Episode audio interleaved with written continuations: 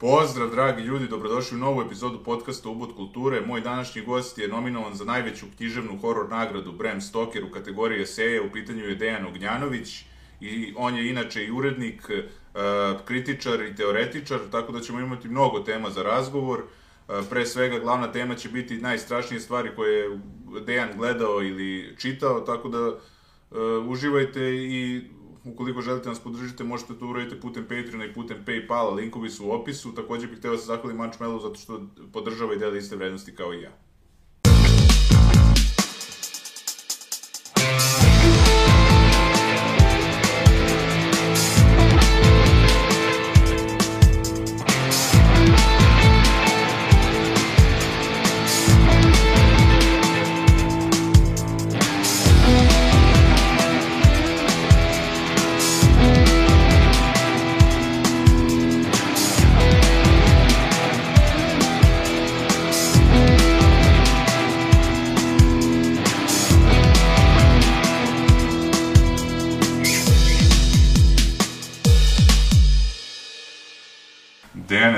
Dobrodošao, hvala ti mnogo što si došao. Hvala tebi na pozivu, drago mi je da sam deo ove priče.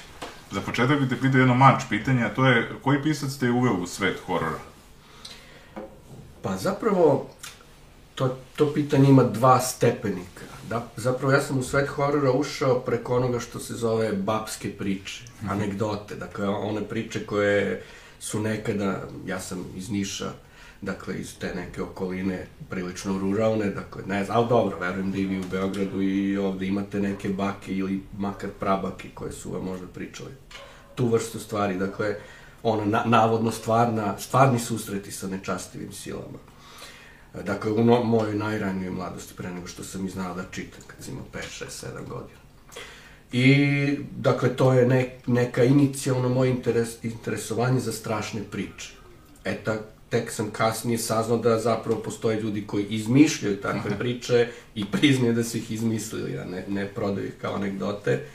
I ovaj, onda sam kroz horror filmove i kroz uh, Edgar Allana Poa, koji je možda predvidiv izbor. Dakle, naročito današnjim gledacima i slušalcima će po se činiti možda kao suviše predvidiv, ali ja sam malo i mator, moram reći, dakle, pre nekih 40 godina, što, što je vreme mojih početaka bavljenja hororom, dakle, to je još SFRJ bila u svojim, svojoj poslednjoj deceniji postojanja. Ovaj, horora je bilo užasno malo. Dakle, čak i kad sam saznao da postoji tako nešto ka, kao što je književnost travi užasa, nje je bilo, bukvalno ja sad mogu da ti nabrojim tih desetak knjiga koje je bilo i desetak ne znam, znači, ono, ono najizvikanije bio Isterivač đavola, bilo je Rozmarina beba, bilo je Isijavanje Stephena Kinga, sredinom 80-ih su deče novine iz Gornjeg Milanovca izbacila tri potpuno random romana Stephena Kinga, znači, ne nešto iz vrha, nego vjerojatno su im bili najjeftiniji, jer nema nikakve logike. Izbacili su Kuđo, Potpaljivačicu i Talisman, I, dakle, Edgar Allan Poe kao klasik koji se podrazumeva. Znači, to je bio neki izbor u knjižarama kad sam ja imao nekih 8, 9, 10, 11 godina, znači kad sam počinjao da tragam. A reci I, mi... I od svega ovoga, samo da završim mm. sa Poom, od svega toga mi je upravo po najbolje legao, što je možda malo bizarno jer on je težak, njegov jezik nije baš jednostavan da ga ti čitaš sa... Dobro, istina, ja sam bio nešto malo stariji, možda sam imao već nekih 15 godina, mislim da sam bio osmi osnovne, tako nešto. Ali sam s mesta shvatio da je to to, da je to, da to nije horor za uh, ubijanje vremena. Dakle, nekako sam ja uvek horor doživljavao kao nešto ozbiljno. Dakle, neko neku razbi brigu, kao eto, neko čita krimiće, neko ljubiće, neko, ne znam nija šta, avanture, neko horor. Nekako je meni horor uvek, čak i pre nego što sam ja to bio u stanju da intelektualno artikulišem, bio nešto više, nešto što je povezano sa osjećanjem života, sa nekakvim, jeli, Weltanschauungom, kako to kažu, znači, taj neki pogled na svet i naravno kako sam odrastao i sazreo, to sve sam više i više svet i sebe i ljude oko sebe gledao kroz te horor naočare. A može se kaže za Poa da je on jedan od pionira horora ili... On je, dakle, on je čovek koji je praktično žanrifikovao mm -hmm. horor. Dakle, postojale su strašne priče, postoji gotski roman nekih 50 i više godina pre, pre nego što on počeo da objavljuje, ali ti romani kad ih mi danas, a i, i tada, dakle, to je bilo vrlo žanrovski neartikulisano, jer kao i sve što je u začetku, da, svi no. pionirski začeci bilo čega su teturovi. To je ovaj Horace Walpole. Tako je, tako je, da. Horace Walpole, Otranski zamak, 1764 znači prvi zvanično gotski roman. I onda, uh, mislim sad da, da ne gnjavimo ljude čitavom tom istorijom, ti su romani dosadni, znači njih mhm. mogu da čitaju danas samo istoričari, proučavoci, smarači poput mene, koji su na tome jeli, magistrirali doktorirali. Ja sam na polu magistrirao, a tema mog doktorata je bila istorijska poetika horror žanra u angloameričkoj književnosti. Dakle, taj gotski roman, čitava ta faza druga polovina 18. veka, to je spoj e, ljubića, istorijskog romana, sentimentalnog romana, avanturističkog, takozvanog romana o razbojnicima pod uticajem ovih nemačkih e, i tako dalje. Dakle, da, bilo je tu nekih zamkova i nekih zlikovaca i nekih e, vrlih djeva koje su tu nešto zatočene, pa ih nešto proganja, pa da li je duh, da li je maskirani čovek. I većina njih su zapravo i bili racionalizovani. Dakle, na već, u većini tih e, romana ranog gotika se to, to što izgleda je naturalno na kraju razotkrije kao san, vizija, maskirani ljudi koji namerno jeli, žele da stvore famu oko nekog mesta da bi oni neke sasvim ovozemaljske stvari radili. Dakle, to je neki ovaj osnovni pristup. I Po je uradio dve fundamentalne stvari. Pod jedan, e, e, sveo je, odnosno, otkrio je da je horor zapravo savršeni žanr, odnosno da je savršena forma za horror žanr u stvari kratka priča.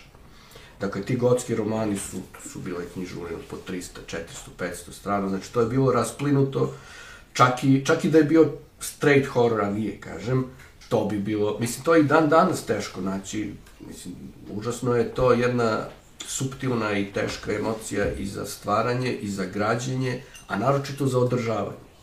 Mislim, to čak i u filmu od sat i po, ti ne možeš 90 minuta da, drži, da držiš tenziju, jer da. to postaje smešno, mislim, da. više, više to ne deluje. Znači, sam... moraš, e, moraš da imaš ta, taj neki ritam, neko opadanje, pripremu, zapravo u pripremi je glavna stvar po meni u hororu.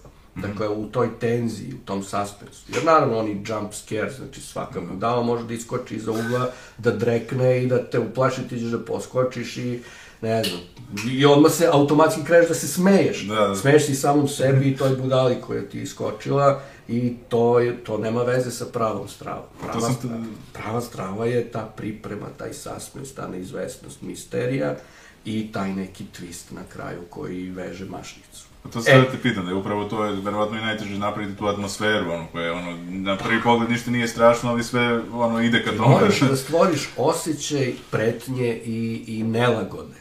Da. To, to, je, to, je, to je bizarno da, da je to žanr koji je zasnovan na nelagodi, jer mi, i čak i žanrovski, ako gledamo književnost, svi drugi žanrovi su zasnovani na nekim prijatnim emocijama.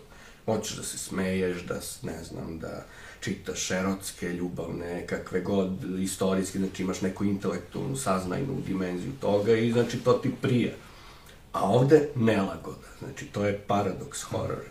Znači ti se ti uživaš u nečemu što ti stvara jednu specifičnu vrstu nelagode. E sad to laici, ljudi ne mogu da shvate, e, to često nalazim na, na komentare tipa jao, malo li ti je horora oko nas, pogledaj dnevne novine, pogledaj, ne znam, dnevnik, kao šta će ti više horora.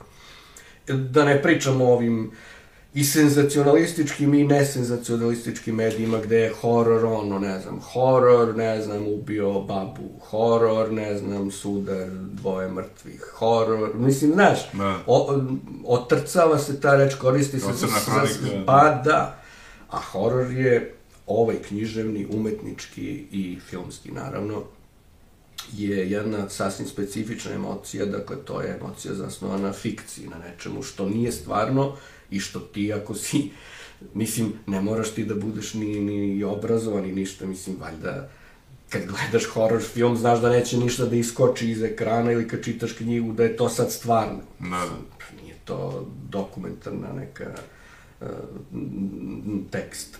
Da. Dakle, to je jedna igra, jedna uh, artificijalna emocija, odnosno artificijalan je povod, a stvara autentičnu emociju. Ali sa svešću da, da ti nisi zaista ugrožen. Znači, to je, kažu ljudi, kako možeš da uživaš da se plašiš? Pa niko normalno ne voli da se plaši u stvarnom životu od stvarne pretnje, mislim. Da.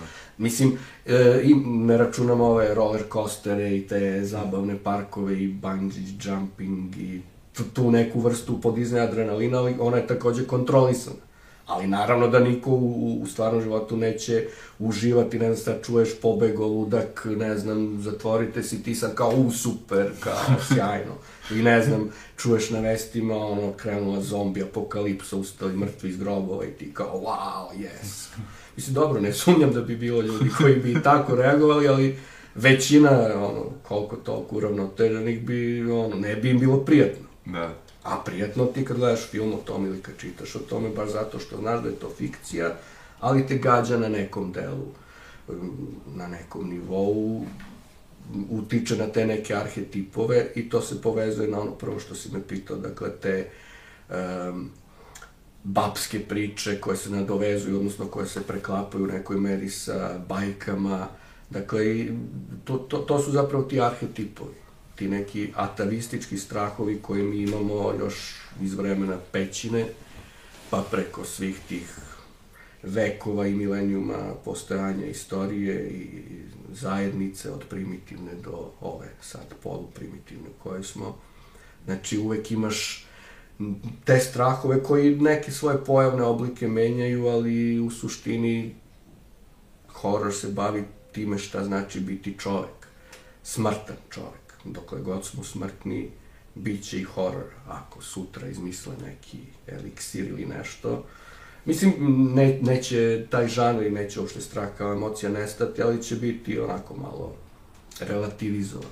Ali može se, neki ljudi mogu da pomisle koji se baš ne razumeju u horor, da čim vide nekog vampira ili ne znam duha, da je to odmah horor, to ne mora da znači uopšte, znači imamo tako. i ovu ovaj, sumrak sagu, kako već, koja je bila kao neki tako. ljubić, što ti kažeš. To se u književnosti zove da. motiv, znači da. prisustvo nekog motiva u da. okviru da. nekog narativa sam po sebi automatski ne znači, ti moraš upravo, o tome sam malo čas pričao, znači ti moraš da organizuješ priču na određeni način, koristeći neki ili nekoliko motiva koji su, jeli, koji se daju povezati sa hororom i da ih, dakle, da, i to nas opet vraća na priču o, o Poe. Dakle, Poe je shvatio da, znači da, naravno, pisali su ljudi o tim ženama i ljudima koji ustaju iz groba, pardon, koji se vraćaju iz mrtvih i o svim tim drugim stvarima, ali on o tome, kažem, pisao u pričama koje u prosjeku imaju 10-15 strana,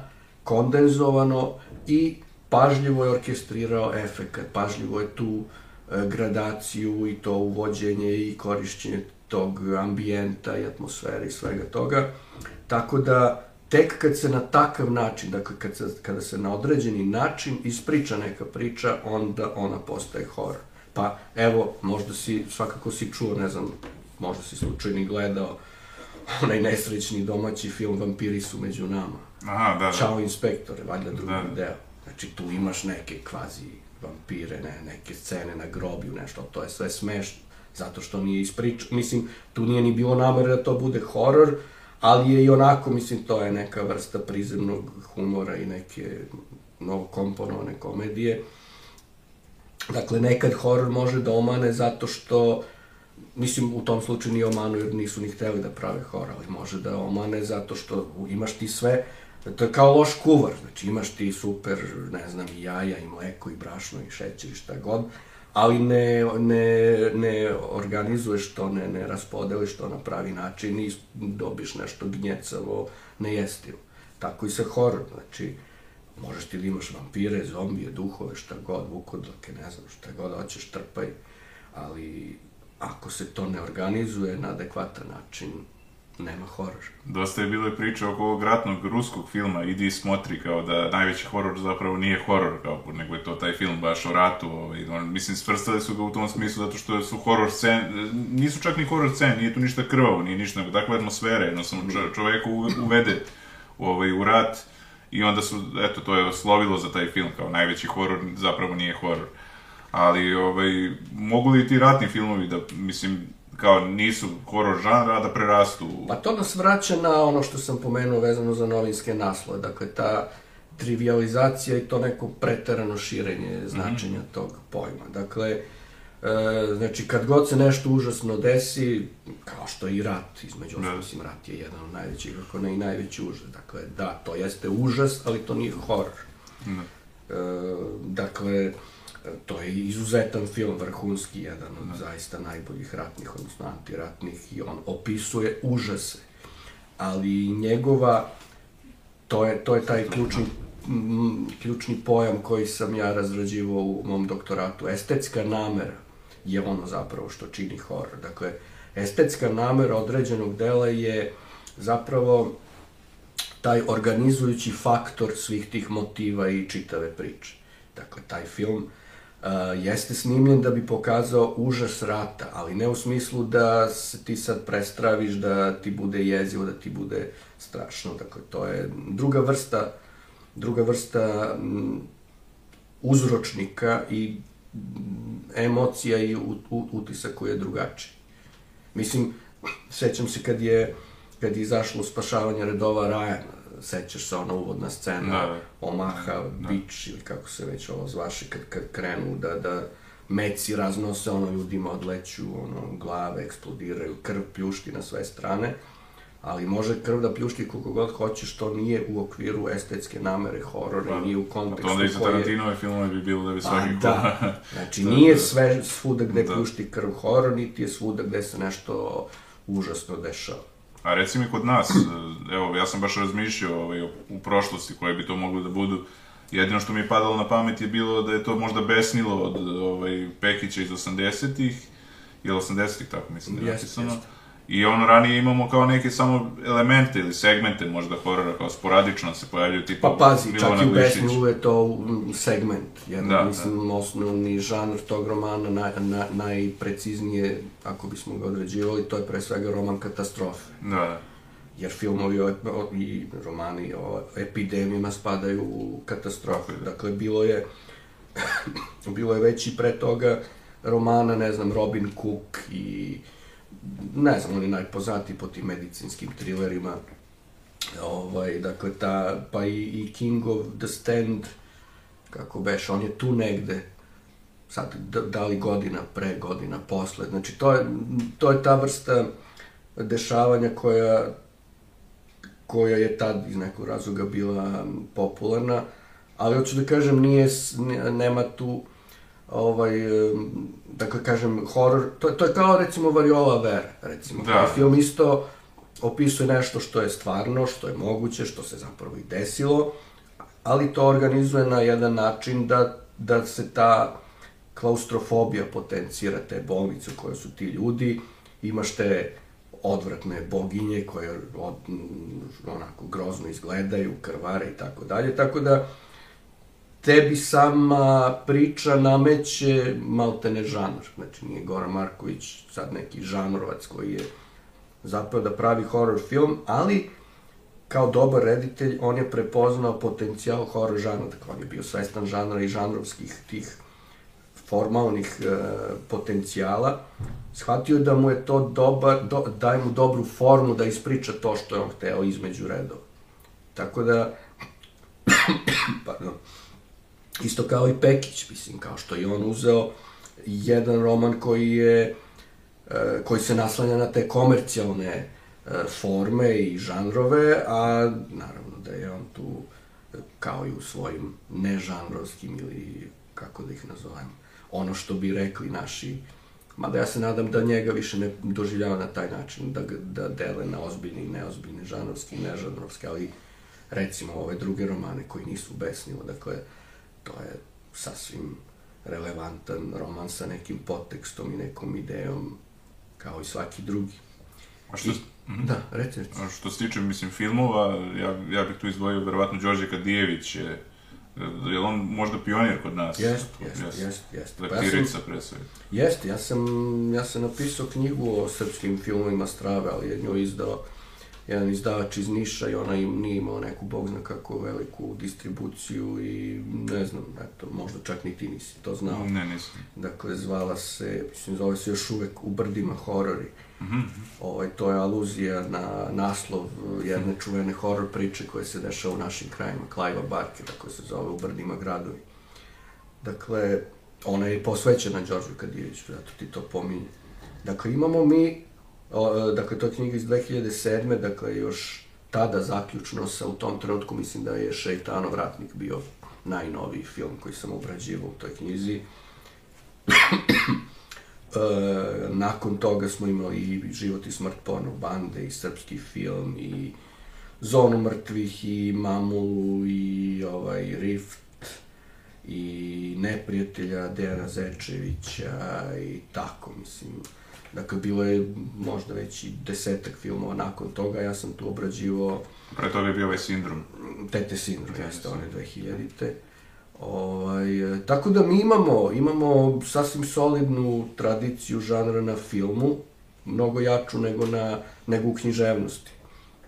Dakle, da, pre svega, Kadijević kao neko ko se time najviše bavio i, i na najvišem nivou. Dakle, on, rekao smo malo čas kad je neko ili nešto pionir, kad tek počinje, to ima mnogo saplitanja, istraživanja, lutanja.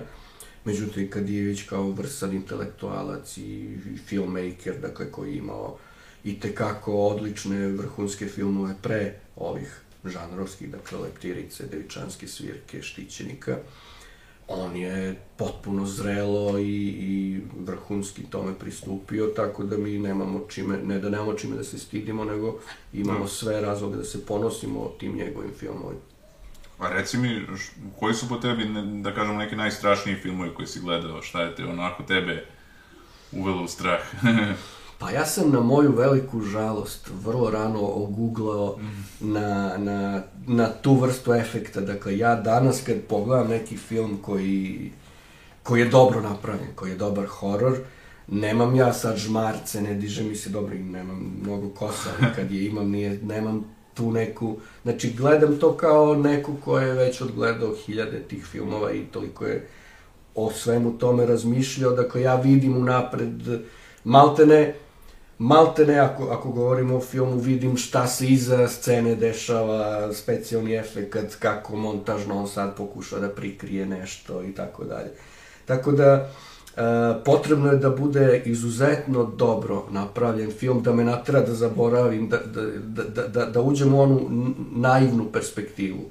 Dakle, naivnu u smislu nekoga ko nije to promišljao i ko ne, nema neko iskustvo iza scene, nego ko to sad na trenutak zaboravi da to nije stvarno i kao ovako gleda Mhm. u plaši se. Dakle, ja odavno, odavno, odavno nemam tu vrstu osjećaja. Dakle, em, ako nekom prosečnom gledaocu odličan, dobro napravljen jezik, horor izaziva to, ledi mi se krv u žilama, ne znam i to, meni izaziva kez. Dakle, ako me posmatraš sa strane da gledam horor film, ako sam se iscerio ako buljim, ovaj, to je znak da sam kupljen i da, da respektujem to što, to što vidim. Ali čisto da ne ispadne da izbegavam odgovor, Uh, pomenuo si malo čas u nekom našem pripremnom razgovoru Carpentera. Meni je Noć veštica bila i ostala jedan od ideala toga. Dakle, to je čak i jedan od redkih filmova koji malte ne čitavo svoje trajanje je, je jeziv. Naravno sa nekim amplitudama, sa usponima, sa kratkim pauzama, ali vrlo kratkim. E, dakle, 90 minuta skoro čiste strave. Sad sam se nasmeo zato što mi je Ćale pričao ovaj, da je on ko klijent to gledao ovaj, bili su u nekoj šumi, na nekom izletu i vraćali su se posle tog filma i to je bilo, efekat posle toga je bio ono, zapravo zastrašujući, tako da... Ma ne treba ti, mislim, možeš ti da ga gledaš u sred grada, Da, da. okružen sa ne znam Da. koliko hiljada ljudi, ali to je zaista vrhunski napravljen film. Carpenter I inače je- mnogo jak. Da, apsolutno. Pa, pazi, evo, uh, moj neki broj jedan meni lično naj, najbolji.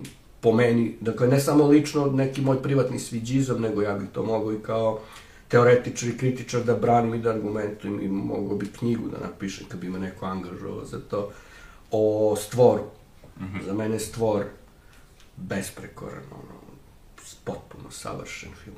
Noć veštica odmah tu blizu, znači da. da ne bude, ali znači stvor ima i tu kosmičku stravu, ima i taj body horror, ima i metafizički horror. Znači, Halloween je suzdržan, znači u njemu nema body horrora, nema neke, bog zna kakve metafizike, mada kroz tu aluziju na Bugimena, na tu Babarogu, povezuje se sa nekim arhetipskim strahom, dakle nije to bu, puki ludak koji je pobegao i koga ćeš da upucaš i kao, ok, mirna bačka, ne. Možda ga mhm. upucaš, da ga ubodeš, sećaš se da mu radiš razne stvari, on će opet da ustane i onda je upravo u tome fora.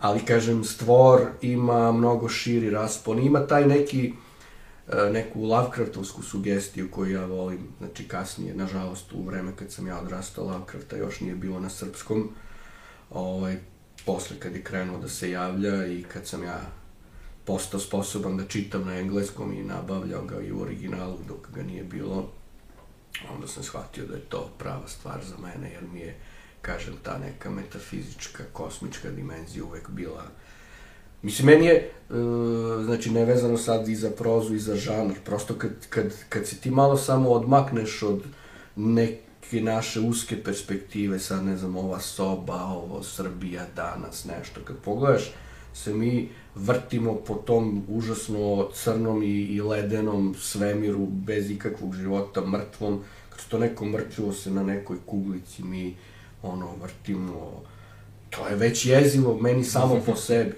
Sad možda sam ja, ne znam, tako nasađen da je to meni strašno. Imaš ljude koji, ove, ljubitelji naučne fantastike, oni to zamišljaju, to zvezde, to je idemo osvajanje, novi svetovi, civilizacije, nema kraja našoj moći. Ali nešto ne vidim, znači to je jedno vreme bilo usponu krajem 60-ih nakon leta na mesec i to kao idemo, NASA će da kolonizuje, idemo na Mars, idemo ovo ono.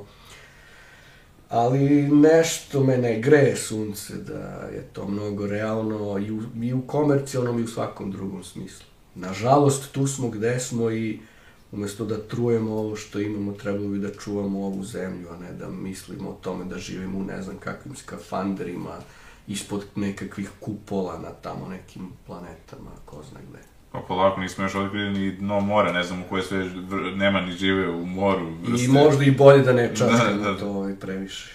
Eto, to bi isto bilo možda interesantno za horor, te, te morske pa, to je Lovecraft, Lovecraft je to da. radio, znači Lovecraft je upravo shvatio taj, ono, kako gore, tako dole. Dakle, za da. njega je uh, okean neka vrsta um, simbola tog neistraženog spoljašnjeg prostora. Dakle, nešto što je tu relativno blizu nama, dakle, nije to sad neka, ne znam koja galaksija. Znači, ko zna šta je ispod našeg tla, znači, u podzemlju, znači kopna po kojem hodamo, a kamoli šta je u, ono, tamo 10 km ispod, ispod površine okeana.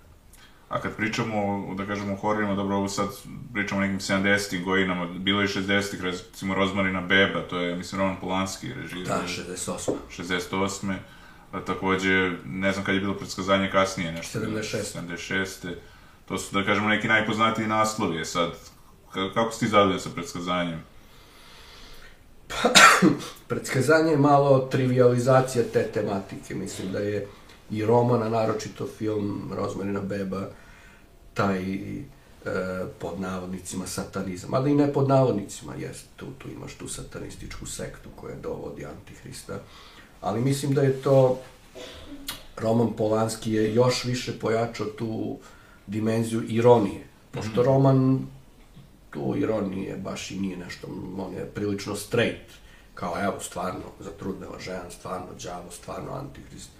Dok Roman Polanski, koji u suštini ateista čovek i on je prošao kroz upravo užase slične onima koji su opisani u ovom um, Idi gledaj. Da. Dakle, on je kao mali jevrej tokom drugog svetskog rata video uživo užase te vrste. E, kasnije kada je on uzeo da pravi horore, dakle, o dakle, tim fiktivnim, fantastičnim, nadprirodnim stvarima, on je tu najčešće koristio ironiju, pa tako i u Rozmarinoj bebi, koja može da se gleda i kao beskreno jeziv film, to kao ledi mi se krv u žilama, ne znam, grickam nokte i sve to kao lupa mi srce, a možeš da ga gledaš kao jednu neverovatno zabavnu crnu komediju. On je veoma smešan, ali ne na način ovog vampiri su među nama i te neke trivialne prizemnosti i gluposti, nego je smešan je zato što koristi humor absurda i iracionalnog, a e, oni mogu da se vrlo lepo nadovezuju. Dakle, absurdizam i racionalnost i Kao. pokušavamo da se njome da njome navigiramo kroz život, ali smo svi svesni ako malo samo malo zastanemo i zamislimo se na tim šta gledamo, vidimo koliko iracionalnog i koliko absurdnog ima i u dešavanjima i u ljudima i u ponašanju. Tako da je, tako da je Polanski uhvatio upravo taj moment.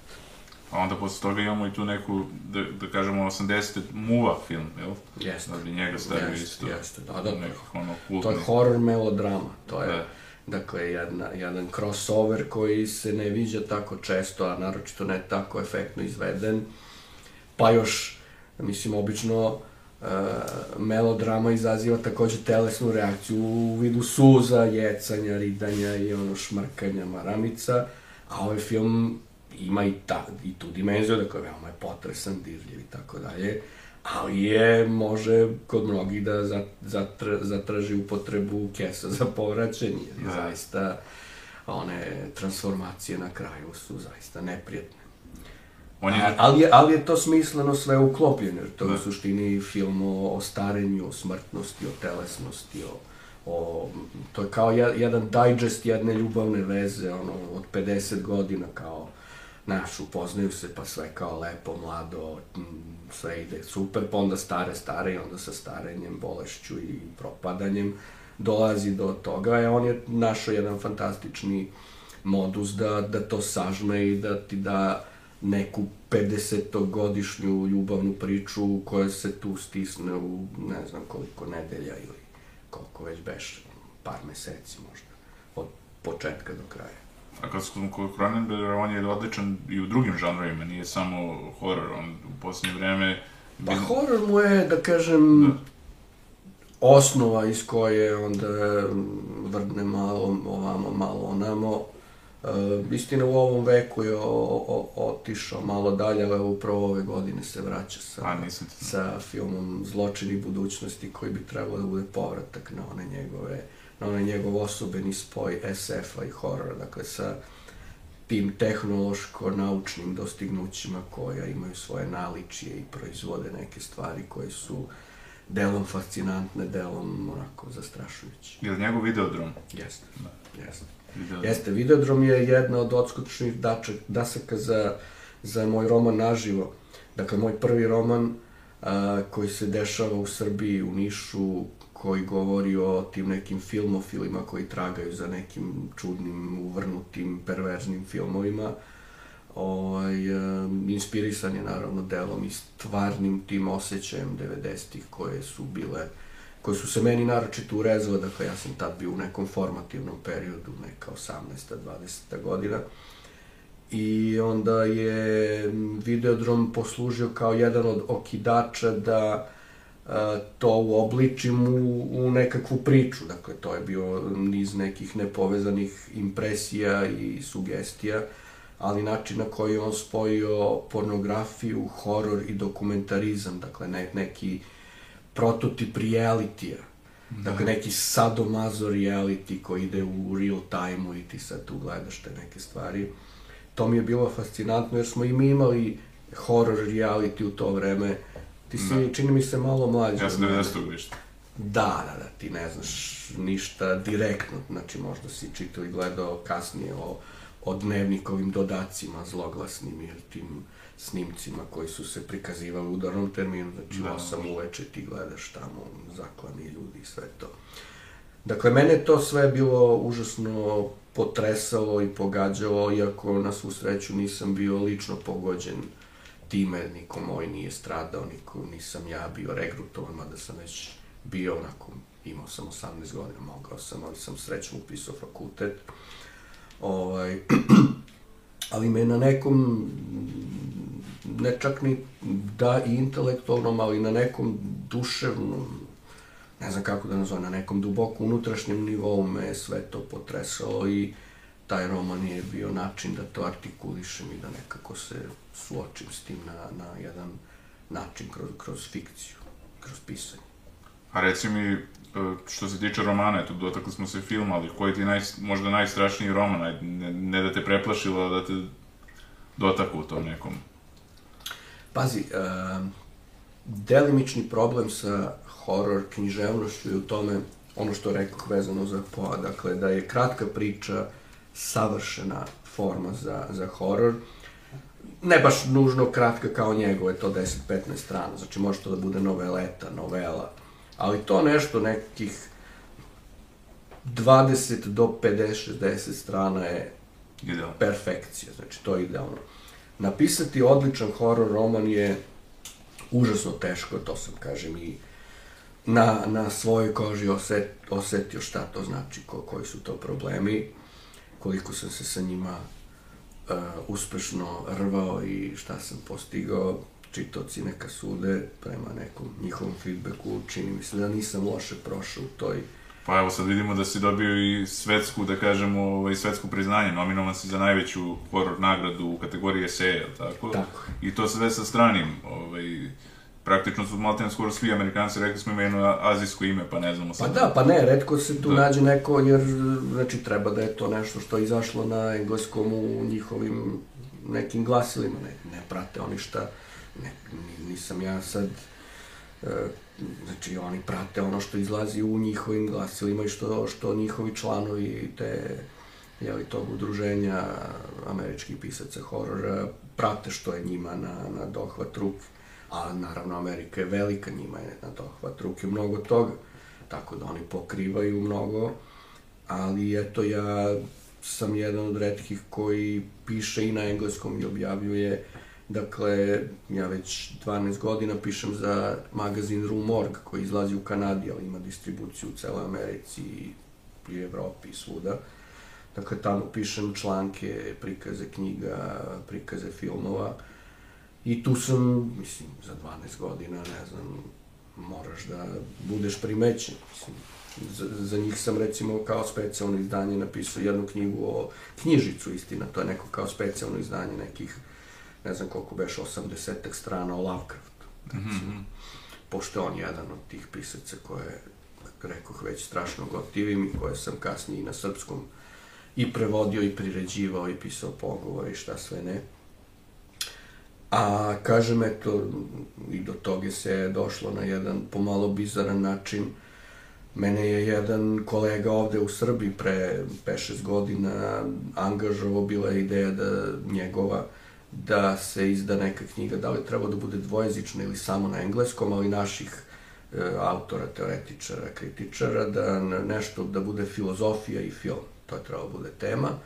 I onda mi on kao, imaš li neku ideju, nešto šta bi, kako bi, i onda se meni rodila ideja o tome sve, ja ga napisao, dakle na engleskom. Taj Da, da, da. esej je izvorno napisan na engleskom, nije preveden sa srpskog. I onda je ta ideja propala, nije se desila ta knjiga, esej je ostao tako neobjavljen, nisam znao šta bih s njim, onda je jedan kolega sa grupe za antropologiju e, pokrenuo temat e, o hororu na srpskom, znači u jednom akademskom časopisu koji oni izdaju. I kad mi on potražio nešto da, da priložim, rekao, pa ajde prevešću, prevešću samog sebe na srpski, onda je to na srpskom izašlo. I tek e, preprošle godine sam stupio u kontakt sa tim magazinom Vastarijen američkim. Ovaj, tamo sam objavio jedan intervju sa jednim velikim piscem, Tedom Kleinom, koga sam prevodio u ediciji Poetika strave, dakle njegovu a, zbirku priča Mračni bogovi.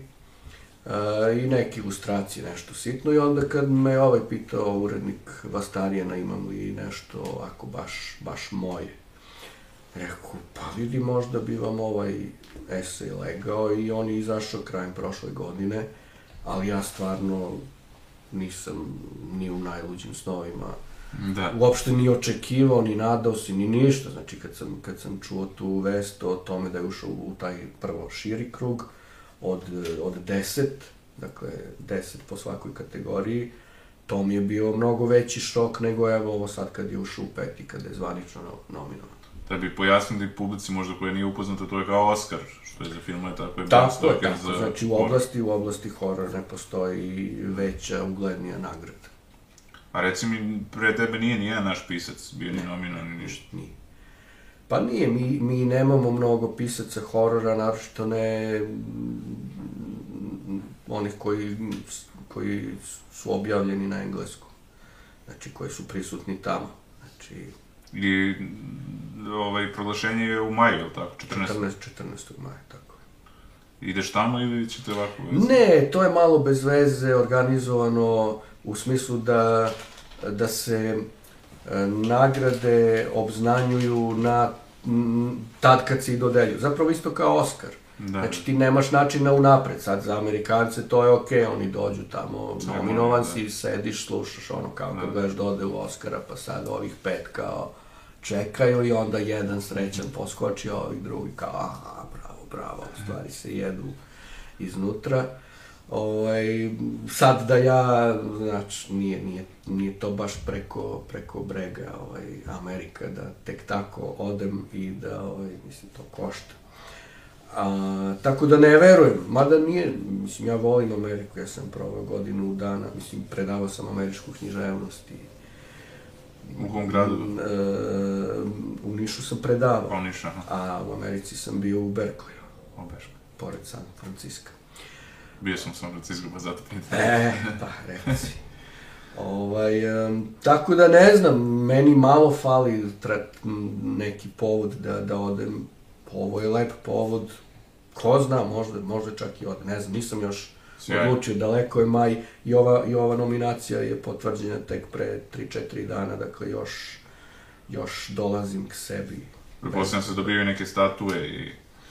E, da, Bram Stoker izgleda kao neka jeziva ukleta kuća, onako malo neke čudne arhitekture, malo onako ne baš pravih zidova, malo naherena, znaš, sa nekim prozorima i to. Ali to možda ti bude, mislim, već sad je verovatno odskučena daska čim si ušao među pet, ono... Pa tako isto da- kao i za Oscar, znači ti Da. kad ne, kad ne dobiješ Oscara, ti idući put kad se taj glumac ili reditelj pojavi na poster, znači kao deo ekipe, ti možeš da kažeš nominovan za Oscara, to je već, Da, da. to je već ozbiljan prestiž. Tako i ovo, no, nominacija za Bram Stokera je svakako Svaka čast. ozbiljna. Hvala. A reci mi, dakle, pričali smo sad za prvi roman, pa si imao iz, između sad prvog i trećeg si izdao... Između prvog i trećeg sam imao drugi. Da. ovaj, zavodnik, je tako? Tako je. Zavodnik, a ovaj treći je na neki način... Treći su prokleti, koje Tako je. vidimo. E, Sticam okolnosti nisam imao pri sebi zavodnika, a, zavodnika izdao Orfelina, ove dve knjige sam izdao ja. A, tačnije, da ne zbunjujem ljude, znači o, o- ovo je već treće izdanje naživog, prvo je izdao jedan niški izdavač koji je propao umeđu vremenu, drugo i treće sam izdao ja, a prokletio sam odmah od starta izdao ja, jer sam zaključio kao i ti, čini mi se Pa, na da. neki način da Da, da. je najbolje da budeš sam svoj gazda i što bi ti nekome davao 90% prihoda i svega ako možeš da uzmeš mnogo više.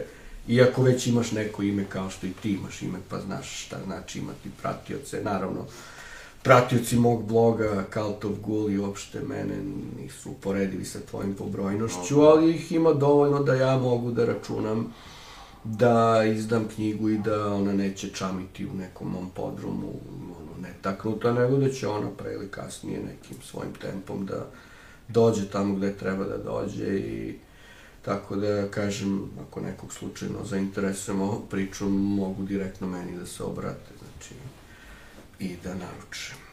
Eto, nek se jave. Ali teo sam da kažem, rekao sam između prve i treće, zato što prve i treće su povezane, a druga je priča za sebe, je li tako? A Druga je za sad priča za sebe, mada Da. nije isključeno da će se i ona raširiti u nekom pravcu, da li unazad u vidu prikvela, da li kasnije. To čak i kad bih znao, ja sam možda ne bih rekao. Da. Zapravo postoje. Moj, moj, moje poimanje horora uopšte, dakle sad ovo što ću reći je uopšteno. Dakle, mislim da horor najbolje funkcioniše kad je dvosmislen, kad je nedorečen, jer u tim nedorečenostima, u tim senkama, metaforički govoreći, ili ako govorimo o horor filmu, onda i doslovno, u tim senkama se krije prava, prava strava. Tako da ja e, nikad ne iscrtam celu priču kada, mislim, ja je zaokružim na neki način, ne u smislu da sad ti, ono, se prekine roman na kraju. Znači, ima to nekakav kraj, ali ja uvek taj svet tog romana vidim plastičniji i detaljniji nego što ga otkrijem i ostane tu prostora za, za neko nadopunjavanje, ne iz komercijalnih razloga, ne da bi ja sad to kao ono, noć veštica 2, 3, 4, 5, 6, 7, 8, 15. Ne, nije, nije to stvar. Znači, stvar je prosto u tome da, da je taj svet naživog te 90. taj pakao, taj, te, te sekte, taj okultizam, taj užas društveni, taj osjećaj beznađa, ta klaustrofobija, veoma je dobro poznajem, veoma dobro se sećam, kažem ti, u tim nekim formativnim godinama, to što se ureže u tebe, to je s tobom ceo život. A mi upravo već neko vreme ovde imamo taj sindrom povratka 90-ih, e, metaforički, a negde i doslovno, znači neki ljudi koji su nam krojili kape tada i dalje nam je kroje i evo kako nam je kroje, takav nam je i horor naših života.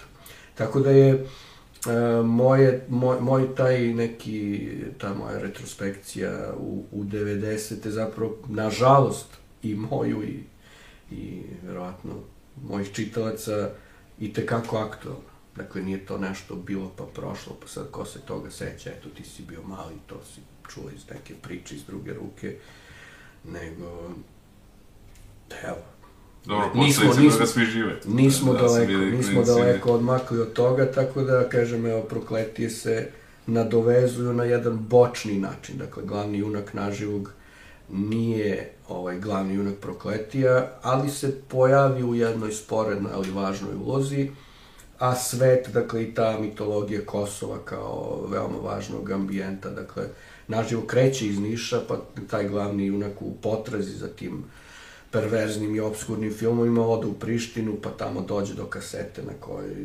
vidi snimak nekog rituala i tako dalje. To je neka, neka polazična tačka za, za taj zaplet, a ovde prokletije već i naslovom sugeriše da će ambijent biti taj, dakle, jug, krajnji jug Srbije, dakle, Kosovo na samoj granici sa Albanijom, gde jedna grupa vojnih e, specijalaca i iskusnih već boraca iz Bosne, 98. se dešava, dakle, pre bombardovanja i pre svih ovih e, kasnije, jeli, odcepljenja, nezavisnosti, navodno i toga slično.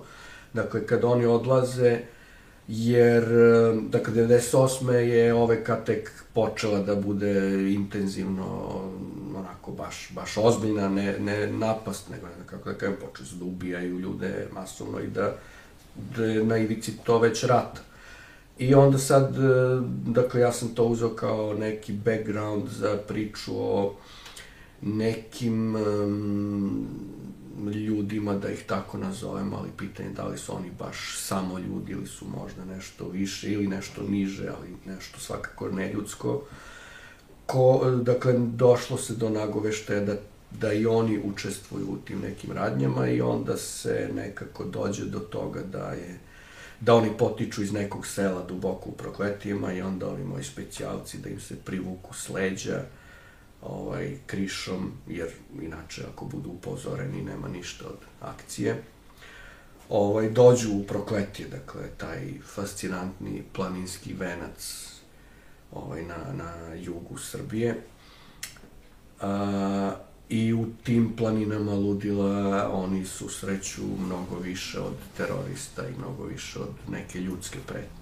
Pa više interesantno, prokletije naslov, mislim, i veću simboliku nego... Pa da, da, da. Pa i zavodnik, recimo, koga si pomenuo, on je takođe u najmanju ruku dvosmislen. Pre svega zavodnik, reč zavodnik je e, više značinska u smislu prva asocijacija je verovatno neka ljubavno-erotska, znači neki švaler Da. zavodnik. Ali zavodnik je, podsjetit ću vas, takođe i jedan od glavnih epiteta đavola. Dakle, on zavodi ne kao da, da nekog ili nešto privede i zavede, nego da zavede u smislu da odvede od Boga, da e, neko se ovaj, jeli, odrekne svoje duše zarad nekih njegovih lažnih dukata. Tako da i ta dimenzija prisutna, a postoji još jedna, pošto se zavodnik dešava na jugoistoku Srbije, dakle odakle sam ja, kao što rekao, u jednom selu na, tamo prema Bugarskoj, dakle, iznad Crvene reke, zove se Špaj, stvarno postoji. Dakle, e, tu postoji jedna lokacija za vodnik. To je zapravo izvor duboko u šumi, dakle, izvan sela, za vodnik, koji stvarno postojao. Dakle, Da, da, da. samo sam mu Ja, ja, jeli, m, podario još neke konotacije i malo sam ga nakitio, ali je, e, dakle, zavodnik ili zavodnik zasnovan na opet nekoj retrospekciji, ali u malo dalju prošlosti, na one babske priče, na ta folklorna verovanja i sve te priče o jeli, tim pustim noćnim gluvim dobima i čudima. U ostalom imao si ovde Mladena Milosavljevića kao gosta, pa i on i tebe i tvoje, tvoje pratioce prosvetlio upravo na temu folklorne fantastike. Mi se tu, ovaj, da kažem, gađamo, odnosno poklapamo se. Mislim da trenutno smo nas dvojica najaktivniji upravo u tom nekom podžanru. Mada kažem, ova dva romana ne spadaju u folklornu fantastiku, mada se dotiču, jer prokletije imaju neku mitološko-folklornu dimenziju pored ostalog, ali zavodnik i to što radi Mladen u Jezavi i u drugim svojim stvarima je neki pokušaj da mi pronađemo, i ne samo da pronađemo, nego i da artikulišemo horor koji je zasnovan na našoj tradiciji i na nečem ovdašnjem, mislim, svake časti i Paulu i Stephenu Kingu i svima njima, ali nije fora da ti sad uzmeš Castle Rock i da samo ga pretvoriš u, ne znam, Aleksinac i da Da. tamo nekog Jima ili Joa pretvoriš u Stevana i Dušana i kao sad je to srpski horor roman. To treba da izvire iz ovog tla, iz ovog ugođaja, iz ovog ovoga gde živimo i, sa čime živimo i kažem, to je nešto što sam ja pokušavao u, u ovim mojim knjigama da uradim. A čudi me, baš s obzirom na istočnu Srbiju, i tako da kažem, da nema više horor pisaca, stvarno ovaj, to je neko područje koje je vrlo interesantno u tom nekom smislu. Tako mi deluje sad. Pa ono. tamo ljudi verovatno toliko su, potrebna je neka doza distance. Da. Njima se to toliko podrazumeva da oni verovatno nemaju potrebe da to artikulišu na neki Da, da. fiktivni način. A, a osim toga, mislim, ajde, kad si me već povukao za jezik, u zemlji Srbiji živeti od svog pisanja je bajka. Dakle, to ima, ne znam sad, da ne lupa, možda 20, možda 30 pisaca može samo da živi od svog pisanja i da ne radi ništa drugo. Većina drugih ljudi koji se izdaju za pisci, jesu pisci, objavljuju i dobri su, imaju neke svoje karijere, bave se nečim drugim, od čega primaju neke plate i ide im neki staž i šta već, a od ovoga šta dobiju, dobiju. E sad, to je onako an general o piscima ovde. A pisati horor i živjeti od toga, to je tek, mislim, To potpuno. je tek naučna fantastika. To je tek e, naučna fantastika, da. Dakle, prosto, jedan život imamo, moraš platiti hleb, ne mogu ja sad da odem u drugstore s ovom knjigom i da, ne znam, kažem, dajte mi sad, ne znam šta, u zamen, znači, svi smo mi ovaj, vezani tim nekim zakonima opstanka, preživljavanja i zarađivanja i na svu sreću, ja makar imam tu privilegiju da nemam posao koji mrzim, dakle, Da. nije to onaj posao kancelarijski, pa ne znam, jao, ponedeljak, jao, sedam, pola osam, jao, muke. Mislim, radim kao urednik jedne upravo te edicije Poetika strave kod Orfelina u Novom Sadu i tu priređujem, dakle, tu ediciju onoga što je po meni najbolje u, u svetskom hororu, dakle, ne samo američkom i engleskom, Ovaj, I, dakle, eto, izdržavam se na radeći to što volim, ali hoću da kažem, ja sam baš onako redak primer nekoga ko, ko uspeva da tako nešto pronađe. Većina drugih pisaca su prevodioci, ne znam, blag, neki pravnici, neki šta god. Da, da. Znači, bave se nečim što nije, dakle nije to sad kao, evo, prodao sam knjigu pa sam zaradio, pa sad živimo to. Pa, A dobro, kad smo kod Stephena Kinga, za njega je interesantno, kako sam ja razumeo, on sad i plaća neke mlade autore, da on, on kao ima neku ideju, onda oni razvijaju. To sam negde pročitao, da, ovaj, jer on je napisao kao 56 knjiga, a međutim, mislim da nije, ne stoji baš on iza svih tih knjiga, mislim. Pa nisam siguran. Da, da, tako Nisam, sam... nisam, nisam naišao na tu vest. I Da, da, da, negde nisam- sam to pročitao da, to, ne, ne znam da li se to zove dolar pisac, nešto tako, neki taj izraz, sad ne znam tačno kako, ovaj, znači on ima tu neku ideju i onda on samo ovaj, angažuje neke ljude da oni pišu za njega, ali izađe pod njegovim imenom. Ne, ne, ne, ne. To ne? Ne, ne, ne, sigurno nije tako. Sigurno nije tako. Dobro, znam za njegovu priču ovu za Bekstvo i Šoš, Šošenka i ovaj i, i, i, i, i ove zelene milje i s ovim ovaj, režiserom da su se oni on nije uopšte verovao da će to tako biti uspešno, ali eto na kraju ispostavilo se da, da je jedan od uspešnijih filmova ako gledamo ovako po nekim jeste, ocenama. Jeste, on ako se ne varam, Šošeng je bio nominovan za Oscara, možda čak i dobio u nekoj kategoriji. Mislim da je dobio te godine Forrest Gump, ili tako? Ne, ne, nije za najbolji film dobio, Da. ali možda je dobio za, ili je makar bio nominovan za adaptirani jeste, scenario. ili Jeste, ne za najbolji film mislim da to je one godine kad je bio i Pulp Fiction i ne znam, još to je bila kao jaka godina. 94.. Da, da. Tako da, ovaj, tu uopšte nije verovao i znam da mu je pisac ponudio, on je rekao, ajde, neku simboličnu sumu kao za prava, 1000 dolara. I ovaj zaradio ne znam koliko, i ovaj mu je samo poslao natrag tih 1000 dolara, Stephen King, dobro, njemu ni ne treba, ali ono, znam koliko se on mučio kad je Carrie izdavao, da je to bilo... Dobro, pa svaki početak je tebe. Da, da. Mislim, i Stephen King je bio, ono što kaže, i Gete je bio dete, mislim. Da, da, I da. on je bio odbijan, znači nije on to s mesta prodao i... Ali dobro, mislim, Stephen King je, je ilustracija tog američkog sna. Ipak je to zemlja mogućnosti. Ti u Srbiji ne možeš da postaneš Stephen King jer prosto horor kod nas nije toliko masovno popular. Naročito ne čist.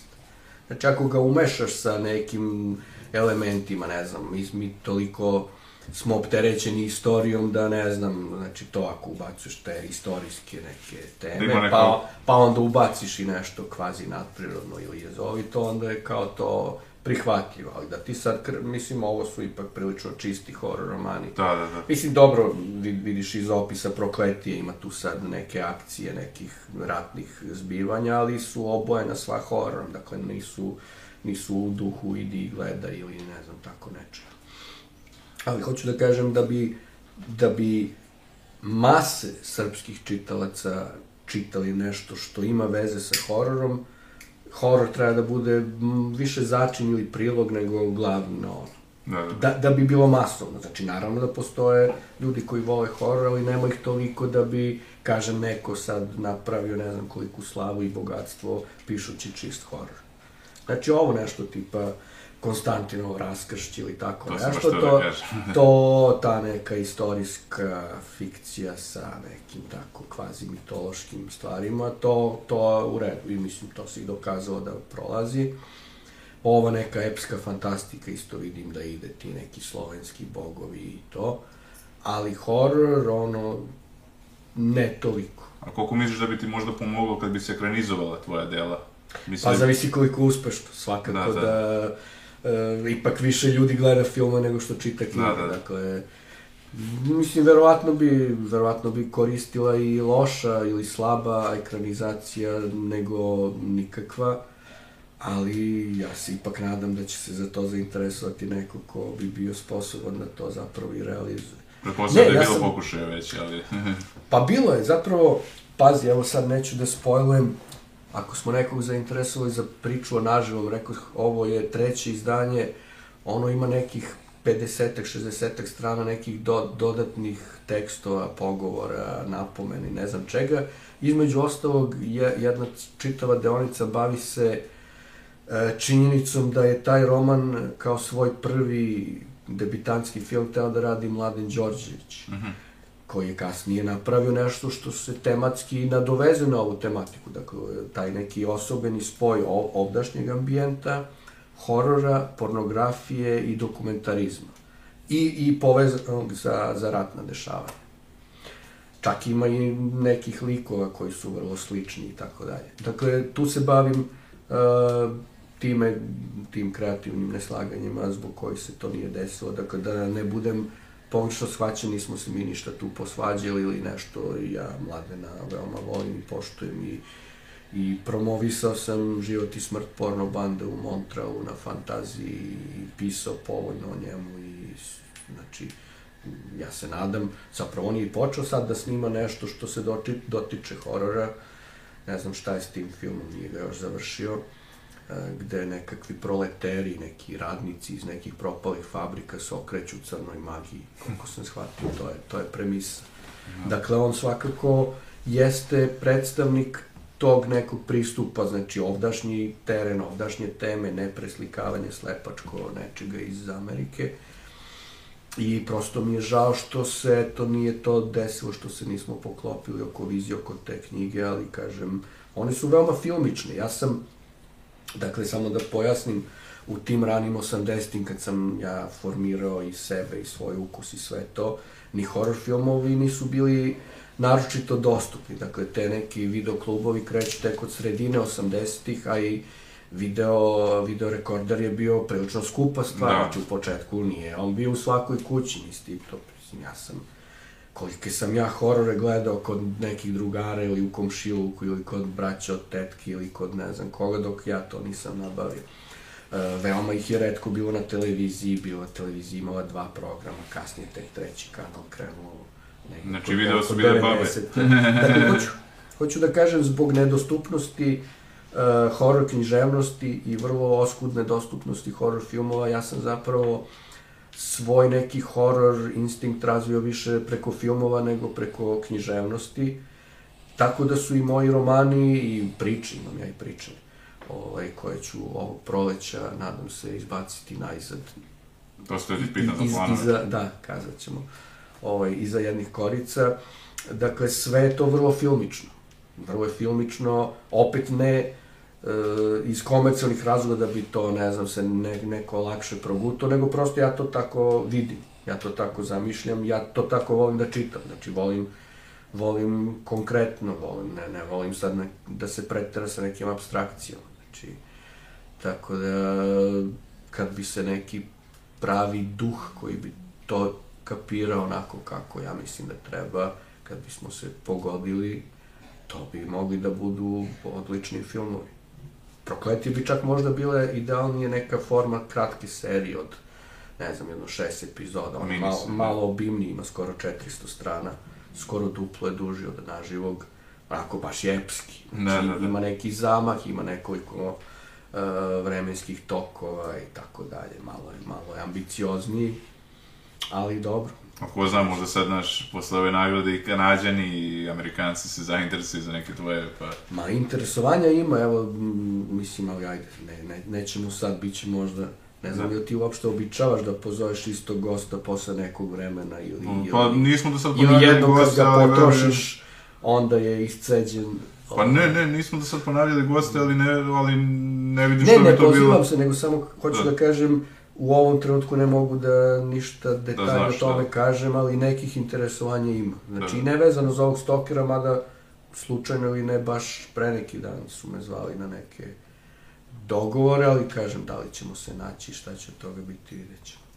Kažem, ovaj, moguće da ćemo naravno i ponavljati neke goste, s obzirom da ovo Srbija nije Amerika, pa sad da možda pozoveš milion gostiju, ali i, i prema zaslugama, tako da svakako ću imati tebe u vidu Ovaj, hvala ti mnogo na ovom razgovoru, drago mi što si približio ljudima ovaj, horor i pa, nadam se da će čitati tvoja dela više, mislim već čitana i želim ti puno sreće na ovoj dodali nagrada. Hvala i tebi na ovom razgovoru, zaista zanimljivom i živom i evo nisam ga osetio, nadam se da, da će tako reagovati i gledaoci ovoga.